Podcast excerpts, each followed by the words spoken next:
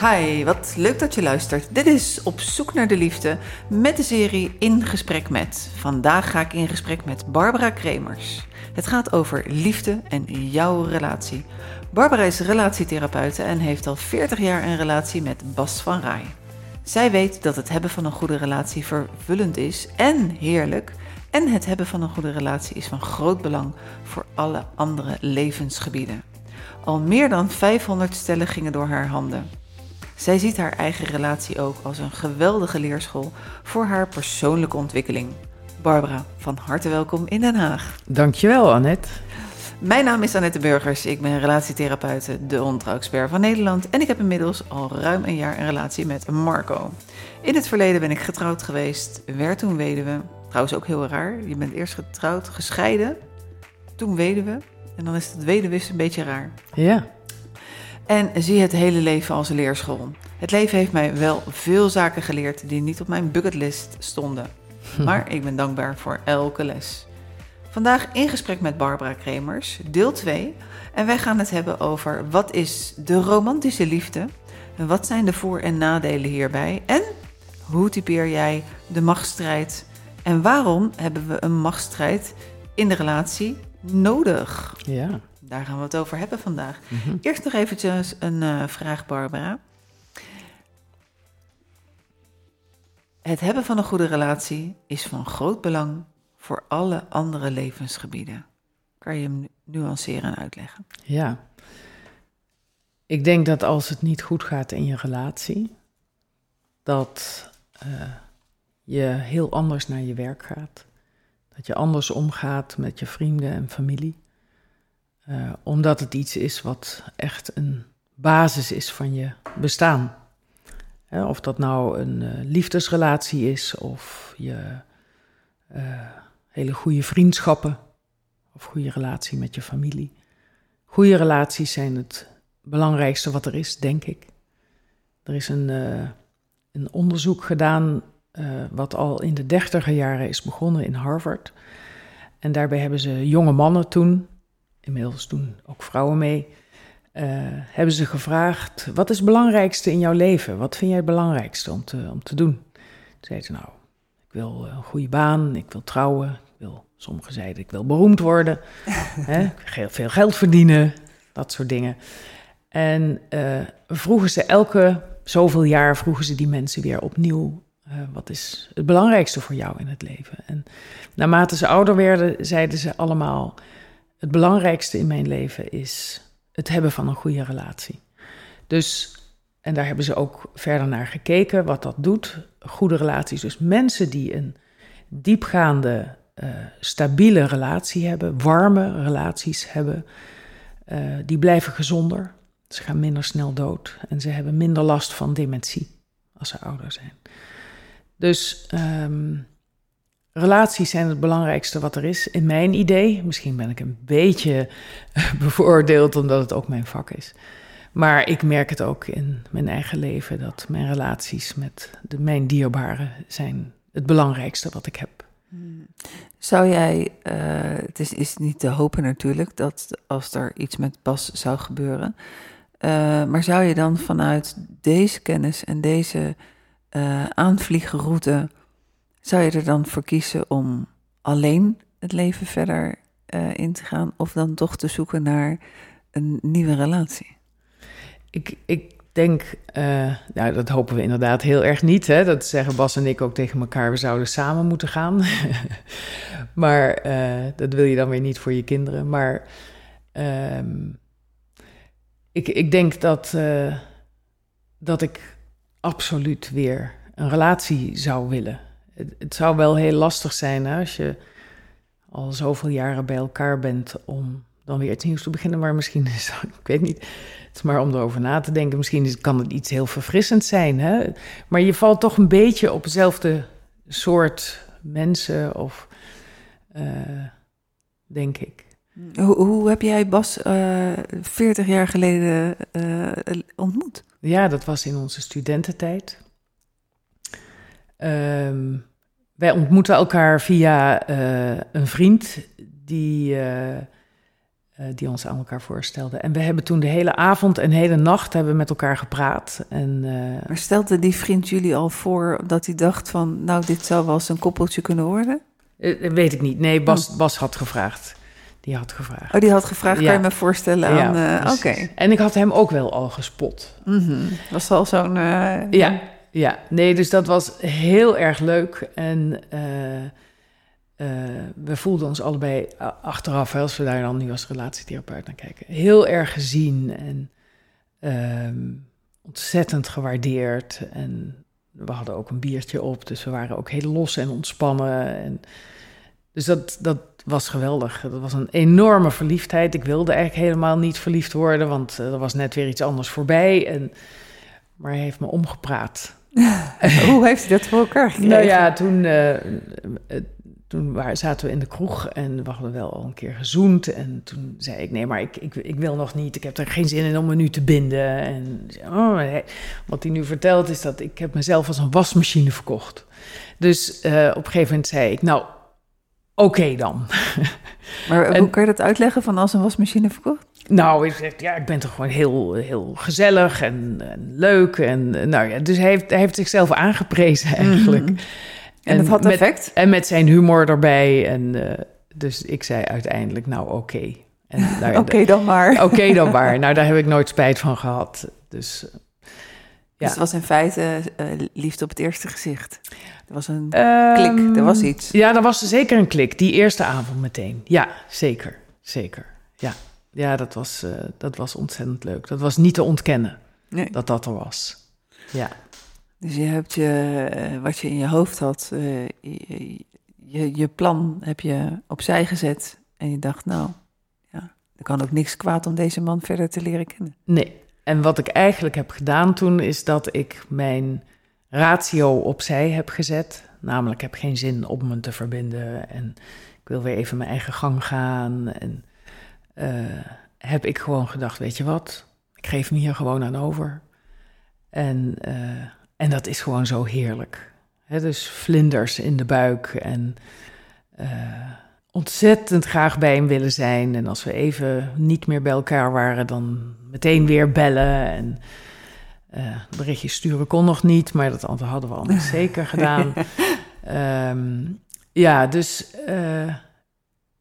we hebben echt die verliefdheid enorm gevoeld. Die was echt enorm heftig. Er zijn ook mensen die in de, in de romantische fase van de liefde uh, eigenlijk een soort heel gelijkmatig iets hebben en dat het wat rustiger is. En bij ons was het heel heftig. En daar zit ook nog wel een theorie achter, hè, maar die vertel ik over een paar weken in een andere podcast. Um, en wat gebeurt er nou eigenlijk? Hè? Wat, wat gebeurde er met ons toen wij zo verliefd waren? Je, je lichaam die maakt eigenlijk bepaalde hormonen in een verhoogde hoeveelheid aan. En uh, bijvoorbeeld dopamine, dat is een verslavingshormoon. En dat geeft je een beloningsgevoel. En net zoals dat mensen aan het gamen zijn. Als ze dan een level halen, dan krijgen ze, komt er dopamine vrij en dan krijgen ze dat beloningsgevoel en dan willen ze meteen door naar het volgende level, omdat ze dat heerlijke gevoel weer willen voelen. Lastig voor sommige ouders met kinderen die Zeker, eindeloos vaak. Ja. ja. Ja, Maar goed, dus die dopamine die helpt je heel erg om heel graag bij die ander te willen zijn, omdat je er zo'n heerlijk gevoel van krijgt. En uh, wat die hormonen ook doen, is dat je vooral de positieve kanten van de eigenschappen van de ander ziet. Uh, en als je daarbij ook nog elkaar alles wil geven. Uh, dat werkt heel erg. Hè? Dat is ontzettend leuk. Dat wil je. Je, wil, je geeft aan de ander wat hij nodig heeft, zonder dat hij er bijna om hoeft te vragen. En andersom krijg jij ook heel veel. Dus je denkt al met al dat je de prins of prinses op het witte paard hebt getroffen. dat is natuurlijk heerlijk. En er zijn allerlei redenen waarom je verliefd wordt op een ander. Dat is natuurlijk de bewuste reden. Je bent zo lief en zo mooi en je ruikt zo lekker. Je bent zo slim en zo sterk en zo schattig en zo. Nou, al die dingen. Hè? Er is ook een onbewuste reden waarom je op elkaar valt. Dat is ook de basis waarop ik werk. Namelijk dat iemand vertrouwd aanvoelt. Heel onbewust dus. En wat voelt nou vertrouwd aan? Dat is uh, als jij een klein kind bent en je wordt opgevoed door je ouders of door andere mensen, ik noem dat nu even ouders, dan is de manier waarop zij de relatie met jou vormgeven, wordt voor jou een soort blauwdruk van hoe relaties eruit zien. Dus uh, als mijn ouders wat afwezig zijn, denk ik dat dat bij relaties hoort. Oké, die andere is wat afwezig. Als mijn ouders heel warm zijn en heel begrijpend en erkennend, dan denk ik dat dat is zoals relaties eruit zien. En daar heb je natuurlijk eindeloos veel variaties in. En hetgene wat jij meemaakt als kind, daar moet jij een antwoord op vinden. Vooral op de momenten dat het wat lastig is. Bijvoorbeeld als ehm, je ouders er niet zo zijn. We zijn bedraad op contact omdat wij zoogdieren zijn. Wij overleven door contact te hebben. Wij leven op door contact te hebben. We worden beter als we contact hebben. En als dat er niet is, dan moet een kind daar een antwoord op vinden. Door, nou ja, uh, zich heel erg aan te passen, bijvoorbeeld. Heel erg lief te zijn. Uh, uh, maar ook door bijvoorbeeld te schreeuwen, als dat de enige manier is om de aandacht te krijgen. In ieder geval bedenkt een kind een overlevingsstrategie. Ja, om daarmee om te gaan. En die bedenkt dat heel onbewust. Die bedenkt dat mhm. niet van laat ik eens dit uitproberen. Dus hetgene wat het beste werkt, of het minst slechte werkt, of waar de beste reactie van de ouders op komt, dat is gedrag wat dat kind een volgende keer weer ietsje eerder gaat toepassen om te krijgen wat het nodig heeft. En dat, uh, dat wordt een patroon. En zo ontwikkel je met je beide ouders, met andere belangrijke mensen, ontwikkel je heel veel patronen. En het samenraapsel van al die patronen wordt eigenlijk je karakter. En uh, dus je karakter, uh, dat ontwikkel je aan de hand van de ervaringen die je hebt. Uh, we worden wel geboren met, met bepaalde erfelijkheid. Maar de ervaringen zorgen ervoor ook of die erfelijkheid tot uiting komt of niet. Dus de manier waarop jouw ouders of zorgers met jou contact maken, is voor jou de blauwdruk van hoe relaties eruit zien. En je hebt geleerd hoe je daarmee om moet gaan. En dat valt, voelt vertrouwd. Dus heel onbewust als je iemand tegenkomt, uh, en voor de een geldt dat natuurlijk wat meer dan voor de ander, denk je, oh, dat ken ik. Ook weer onbewust. Mhm. Je gaat niet denken, oh wat, wat fijn dat jij mij zo aan de relatie met mijn ouders van de eerste acht jaar van mijn leven doet denken. Dat, dat is niet zo. Maar je voelt bij jezelf, oh wat heerlijk. En eigenlijk hoort de zin die je ook niet bewust denkt, hoort daarbij. Dat kan ik. Dit kan ik. Ik weet hoe ik hiermee om moet gaan. En of dat nou heel fijn, liefdevol en warm is geweest vroeger, of dat het wat minder is geweest, of dat het lastig of zelfs pijnlijk is geweest. Dat is hetgene wat vertrouwd aanvoelt. En um, dat gaat zowel over de positieve kanten van je ouders als de negatieve kanten van je ouders. En in het begin, in die verliefde periode, maak je al die heerlijke dingen mee die je uit je verleden kent, die zo fijn zijn. Kan ook zijn dat het juist 180 graden anders is dan wat je thuis hebt meegemaakt. Maar dan blijft het nog steeds gerelateerd aan vroeger. Dus dat is een onbewuste reden dat je op elkaar valt. En um, dat maakt eigenlijk dat uh, je dus ongelooflijk blij kan zijn met de ander, omdat er zo'n herkenning is. Maar dat betekent ook dat als dat er dan niet meer is op een bepaald moment, dat je daardoor ongelooflijk verdrietig bent. En mensen die dus uh, iemand treffen die heel erg lijkt op dat beeld, dat imago van hoe relaties zijn van vroeger, die stappen dan eigenlijk in een wat heftigere relatie waarbij hoge pieken en lage dalen zijn. En mensen die in een relatie stappen, verliefd worden op iemand waarbij die ander ietsje minder goed op dat beeld, op dat imago past, die stappen in een wat rustigere relatie. want daar word je niet zo enorm verrukt of diep bedroefd, maar heb je dat wat minder. En uh, nou ja, die verliefdheid is geweldig. Alleen die hormonen, die houden het niet langer vol dan gemiddeld een maand of 18. Bij sommige mensen duurt het maar een week. Bij anderen duurt het vijf jaar. En uh, wat er dan gebeurt is dat je weer teruggaat naar normaal. En dat je weer ziet als de ander een ochtendhumeur heeft. Uh, je maakt je niet meer zo heel mooi voor de ander, hè, want het is toch normaal. Vaak is dat ook wel. Als je zegt, ja, we horen echt bij elkaar, we gaan samen wonen, we kopen een huis, misschien komt er wel een kindje. Um, en dan gaan je dingen meer opvallen die ook aan de negatieve kant zitten. Maar omdat die ergens vertrouwd aanvoelen, uh, val je eigenlijk soort van automatisch, ook dat is volledig onbewust, val je terug op gedrag wat je zelf hebt aangeleerd toen je dat kind was en datzelfde tegenkwam. Dus als, even heel kort door de bocht gezegd, als je hebt meegemaakt dat een van je ouders er niet zo voor je was, dan heeft dat stress opgeleverd en heb je geleerd om daarmee om te gaan. En als je bijvoorbeeld hebt geleerd om heel erg om de aandacht te vragen en luidruchtig te zijn, dan ga je dat als je dus die hormonen wat aan het kwijtraken bent, of in ieder geval tot een normaal niveau terug zijn gegaan, dan ga je reageren vanuit die manier. Dus dan kan ik aan mijn partner zeggen: Hé, hey, waar ben je eigenlijk? Uh, we hebben het toch zo leuk en uh, waarom zeg je nou niks? En, en dan ga ik mijn stem iets meer verheffen. En dan komt eigenlijk meteen komt een reactie van de ander. Want die stapt ook een beetje in dat oude ding. En die heeft jou ook niet voor niks uitgezocht. He, dus stel je voor dat het even helemaal op dit model zou passen, dan zou die persoon uh, vanuit zijn verleden hebben meegemaakt dat een van de ouders best aanwezig is en wat dominant. En nou ja, als ik dan op die manier reageer, dan komt er ook een soort van herkenning. Trigger. Een trigger. En dan trekt die ander zich terug. Omdat dat het gedrag is wat vroeger het beste heeft gewerkt. En dan stap je eigenlijk allebei in een oude ervaring waarvan je niet weet dat het een oude ervaring is. En je stapt ook in dat oude gedrag wat je zelf hebt aangeleerd toen je een kind was. Dus dat gedrag is ook vaak heel kinderlijk.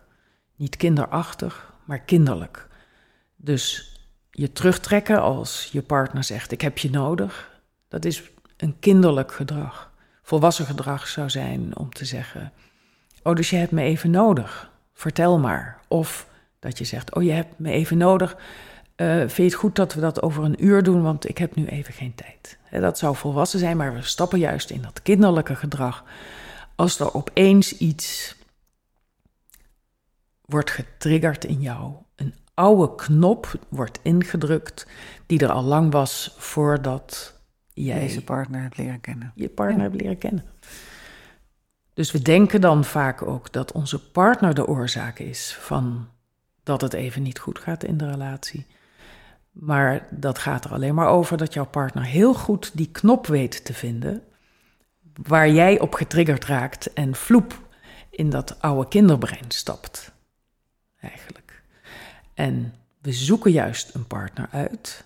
Dat is als je deze theorie doorzet, dan zoek je juist een partner uit die uiteindelijk heel goed die gevoelige plekken, die knop kan leren vinden. En die een grote uitdaging voor je wordt. En dan zal het gedrag wat je in de romantische periode zo geweldig hebt gevonden, zal juist een trigger zijn voor jou. En wat we ook doen in onze romantische liefde is dat we ook vallen op iemand die dingen heeft die wij niet hebben. dus uh, ik kom uit een heel bedaard, rustig, serieus gezin. En ik ben gevallen op een hele springerige, schreeuwerige, grappige, jolige man. Zeker ook een schorpioen, toevallig, of niet? Nee, nee, we zijn allebei maagden. Oh, Dat ook, nou, dat is dan ook wel weer raar, maar goed. Nou ja, dus dat, dat hè, zijn mensen die, die, die geloven dat dat ook nog weer een rol speelt. Maar uh, dus vaak vallen we op iemand die dingen doet en kan die wij een beetje weg hebben gestopt. Want ik denk maar dat we um, allemaal geboren worden met alle karaktereigenschappen hè, in aanleg. Maar dat je bepaalde karaktereigenschappen meer ontwikkelt en andere wat minder aan de hand van de boodschappen die je van vroeger hebt gekregen. Hè, doe niet zo gek of uh, hou jij je mond maar. Of uh, nee, je bent helemaal niet boos op je zusje. Je vindt je zusje heel lief. Hè? Dan leer je om niet boos te zijn. Dus. Je bent de oudste, dus je bent de wijste. Ja, precies, precies. al dat soort boodschappen. Waar je aan begint, moet je afmaken. Ja, kom niet, op de, kom niet te laat. Uh, nou ja, ja. schaam je voor bepaald gedrag. Dat kunnen mensen ook aanleren. Um, en dat betekent dat ik bepaalde dingen leer weg te doen, bepaalde eigenschappen aan de hand van dat soort boodschappen. Waardoor ik bijvoorbeeld, ik heb bijvoorbeeld, dat is ook echt zo, heb ik geleerd om heel lief en braaf te zijn. Heel erg te kijken naar wat de ander nodig had, te gaan pleasen. Uh, en een beetje meegaand, zeg maar, nee, zeg maar veel meegaand te zijn. Dat heb ik in de eerste laat maar zeggen, twaalf jaar van mijn leven geleerd. Daarna ben ik juist heel hard gaan schreeuwen in mijn puberteit. Maar dat heb ik heel goed geleerd. Dus ik ben niet zo heel erg. Uh, ik heb toen niet zo geleerd om heel begrensd te zijn. En dan is het voor mij heel aantrekkelijk om te vallen op een persoon. Hè, dus naast die, dat imago, dat beeld van vroeger over hoe relaties zijn, is het ook nog belangrijk dat ik iemand uitzoek voor mijzelf die juist wel heel begrensd kan zijn. Want als jij al die eigenschappen draagt die ik niet heb, dan zijn we samen één. Dus dat is ook mensen zeggen als ze Ja, jij vult mij helemaal aan. Maar ik heb niet voor niks geleerd om niet begrensd te zijn, omdat dat bij mij in het gezin niet werd gewaardeerd. Dus als we dan wat later zijn in die relatie en die hormonen worden wat minder, en ik zie ook de negatieve kanten van de ander, dan denk ik, nou, waarom doe je nou zo boos? Of waarom zeg je dat nou zo duidelijk? Hè? Ik heb juist geleerd om dat niet te doen. En dan ga ik hem bekritiseren. Dan ga ik hem bekritiseren om wat hij doet. Uh, en dan kom je dus samen in de machtsstrijd terecht. En wat jij zei, in hoeverre is de machtsstrijd nodig? Ja, die is super hard nodig.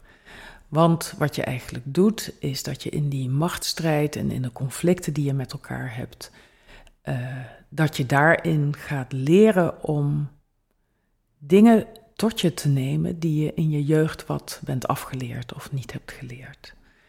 Maar dan als een volwassene. Dus ik heb in mijn jeugd niet goed kunnen leren om heel begrensd te zijn en om te zeggen tot hier en niet verder. Eh, daarom heb ik geleerd om mezelf maar veel weg te geven en goed voor de ander en niet zo goed voor mezelf te zijn.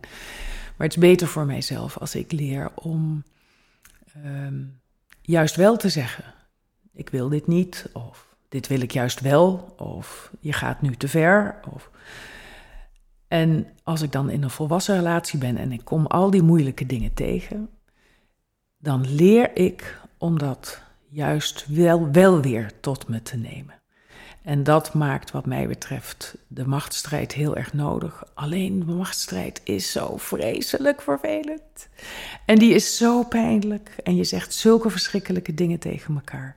En dat doe je omdat je in het stressgedeelte van je brein terechtkomt en niet meer zo goed je volwassen deel kan gebruiken.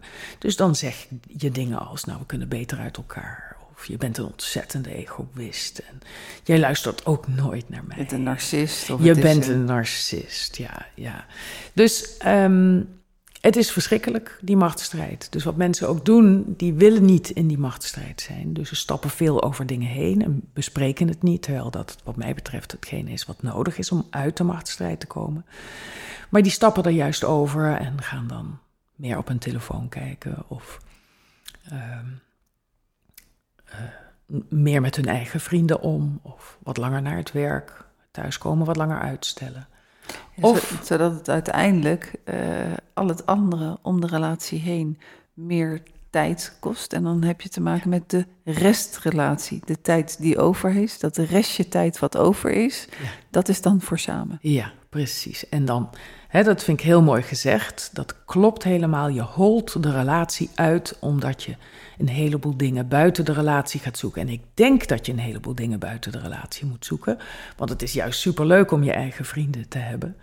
En om heel blij op je werk te zijn en daar veel te zijn. Hè. Maar zo gauw, je kan heel goed bedenken bij jezelf: doe ik dit nu omdat ik het heel leuk vind, of omdat het nuttig is, of omdat het noodzakelijk is om te overleven? Of doe ik dit nu om niet in de relatie te hoeven zijn op dit moment? En uh, dus dat noem ik dan de uitwegen uit de relatie. En eigenlijk wat je zal moeten doen is datgene wat je probeert te vinden buiten de relatie, om dat weer in de relatie te vinden. En ook vreemd gaan hoort ja, daarbij. Dat is een mooi bruggetje naar onze volgende podcast, want die gaat Ja. daarover. Ja, Ja, dus daar gaan we nu niet op in, maar ben je nieuwsgierig naar eh, wat we daarover gaan zeggen? Luister dan naar de volgende podcast. Ja.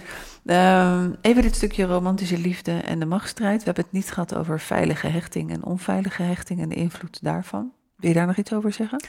ja, dat heeft alles te maken met hoe je ouders met jou omgaan. Ik, ik wil nooit eh, met een beschuldigende vinger naar ouders wijzen, want ik denk dat ouders het allerbeste voor hebben met hun kinderen. Per definitie, alle ouders. Alleen ze nemen ook hun eigen geschiedenis mee.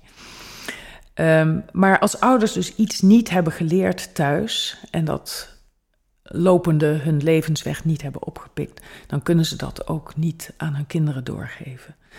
En eh, dus kinderen kunnen dingen missen in hun eh, opvoeding, in hun jeugd. Dus ze kunnen missen dat hun ouders bijvoorbeeld betrouwbaar aanwezig zijn geweest. Dat is in die eerste paar jaar heel belangrijk. En wat verderop in het leven van het kind belangrijk is, is eh, dat het kind heel goed kan leren ontdekken wat de wereld te bieden heeft. En dat de ouders steeds achter dat kind blijven staan. En als dat kind omkijkt en wil zeggen: Kijk, als, dan hebben ze nog niet veel woordjes, maar eens kijk en dan wijzen ze en dat die ouder zegt: Oh, wat heb je iets geweldigs ontdekt. En, en dat ze niet bang hoeven te zijn dat die ouder er niet meer is. Of dat die ouder niet dat kind tegenhoudt om van die schoot af te kruipen. Om, om eigen moverende redenen om eigen moverende redenen, inderdaad. en behoeften. Ja, ja, precies. En, en dan leren ze dat ze open de wereld in kunnen gaan. Maar als ouders dat niet zo goed kunnen, dan leren ze dat de buitenwereld moeilijk is of gevaarlijk is. Of, eh, nou ja, dat, dat er te weinig bekend is en dat ze juist die hele wereld helemaal moeten pakken met alle gevaarlijke dingen. Dus dat maakt daar heel erg uit. En weer een stadium verder moet een kind krijgen dat het ehm, de eigen identiteit kan ontwikkelen. Dus dat is de tijd dat eh, meisjes in roze jurkjes of juist in cowboylaarzen, dat had ik het liefste gewild toen ik een meisje was. Ik had het liefst skelters en autootjes en dat soort. Dus dat, dat, dan kan een kind zijn eigen identiteit ontwikkelen doordat het gespiegeld wordt door de ouders. Doordat ouders zeggen, oh, ben jij een gevaarlijke cowboy. En, ehm, en dan kan dat kind denken, ja, dat ben ik. En daar helemaal gelukkig mee zijn. En dan kan dat kind ook merken, oh ja, het is dus goed om... Het is oké. Het is oké om alles uit te proberen en ik kan kiezen wat ik wil. En dan nog weer een stadium verder moet een kind eh, competent worden. Hè? Dus het strikdiploma, dat is bijvoorbeeld zo'n eerste groot ding. Ik kan iets en ik word daarvoor beloond of ik word, ge- word gewaardeerd. En daarbij, ik mag fouten maken. En als ik fouten maak, dan word ik aan de hand genomen om te leren om dat goed te doen. En dan leert een kind als die in die stadia allemaal heeft gekregen wat hij gekregen heeft, dan wordt het een, een heel en volledig mens. Ik moet zeggen dat er zijn niet zoveel mensen die helemaal heel en volledig zijn, want we pikken allemaal wel, wel wat eh, schrammen en schaafwonden en wondjes op. En we struikelen hier en daar over een steen vanuit, eh, vanuit het eh, systemische stuk vanuit de ouders. Ja, precies. De Ja, stenen nou, die niet opgeruimd zijn. Ja, dus als je als ouders je de stenen op jouw weg niet opruimt, dan struikelen je kinderen erover. Hè? Precies, Leuk, ja, jij kent die ook, ja, die ja. uitspraak. Ehm, dus dat gaat over hechting. Ben ik goed gehecht aan mijn ouders? Ben ik goed gehecht aan mijn omgeving? En ben ik goed gehecht aan mezelf? En dat heeft zo'n grote invloed op hoe je naar jezelf kijkt en hoe je naar de buitenwereld kijkt. Dus je kan leren om te kijken naar. als, je, als je heel bent, om maar zo te zeggen, dan, dan kom je daaruit. eh ik ben oké en jij bent oké. En als ik leer dat ik niet oké ben, maar de ander wel, hè, dan word ik heel erg gericht op de ander. Maar dan wil ik mezelf, en dan schaap ik me eerder of, of eh, ben boos op mezelf of voel me schuldig. En, en sommige mensen leren ook wel, ik ben oké en jij helemaal niet. Dat heeft ook weer implicaties. En dat neem je allemaal mee In die, romantische liefde in. Ja. En dat weet je gelukkig allemaal niet, Niet, nee, hè? dan. Nee. En dan is het, het maakt het best ingewikkeld. Het is, Eh, het is dat- eigenlijk uniek als het goed gaat. Ja, maar ik denk ook wel dat de natuur meehelpt om richting die heelheid te gaan. Dat is ook, denk ik, eh, waarom die conflicten zo goed zijn, omdat dat richting heelheid gaat. Dat je juist weer die schrammetjes, die wonden leert te helen. En dat blijft een leven lang leren uiteindelijk. En het is het, uiteindelijk is het ook de package deal van het accepteren van je ouders, wat ze gegeven hebben en ook alles waar je behoefte aan had en wat ze niet konden geven door waar zij vandaan komen. Als je ze Nou. accepteert, Nou, de package deal kan sluiten ja. en dan kom je veel meer op je eigen plek te Ja, staan en waardoor in je kracht. En dan sta je ook beter in je relatie. ja, alles bij je ouders te laten wat bij hen hoort. Ja. Ja, en daar liefdevol afscheid van kan nemen. En niet van je ouders, maar van die dingen waar je eigenlijk die je liever bij hen wil laten. Ja. Ja. Nou, helemaal mooi. Eh, we gaan naar de afronding toe van eh, aflevering 2. In gesprek met Barbara Kremers. Barbara, waarvoor kunnen mensen bij jou terecht? Voor alles wat op relatiegebied speelt, ehm, liefdesrelaties, maar ook relaties tussen ouders en kinderen. Jonge relaties die net beginnen en denken: dit willen wij de rest van ons leven volhouden. En waar, kunnen ze, waar ben jij te vinden? www.relatietherapiezwolle.nl Nou, hartstikke mooi. Dankjewel, Barbara. En als je luistert, je kunt bij mij terecht als je vreemd gaat. Je wilt ermee stoppen. Help, hoe kom ik van mijn affaire af? Maar je weet niet hoe. Je bent net bedrogen, je wilt weten, zet ik hem de deur uit of gaan we dit onderzoeken? Of jullie willen dit samen onderzoeken. Je kan ook terecht als samengesteld gezin en verbetering voor communicatie en verbinding. Via www.u2coaching, U2 schrijf je J-U-T-T-U, coaching.nl. Barbara, dankjewel. Dit was aflevering 2. Dankjewel, Annette. Jij bedankt voor het luisteren als luisteraar. De volgende aflevering gaat over vreemdgaan. Heb je aflevering 1 nog niet gehoord? Zoek hem dan even op. En eh lieve groet en tot de volgende keer. En de volgende keer is over een week.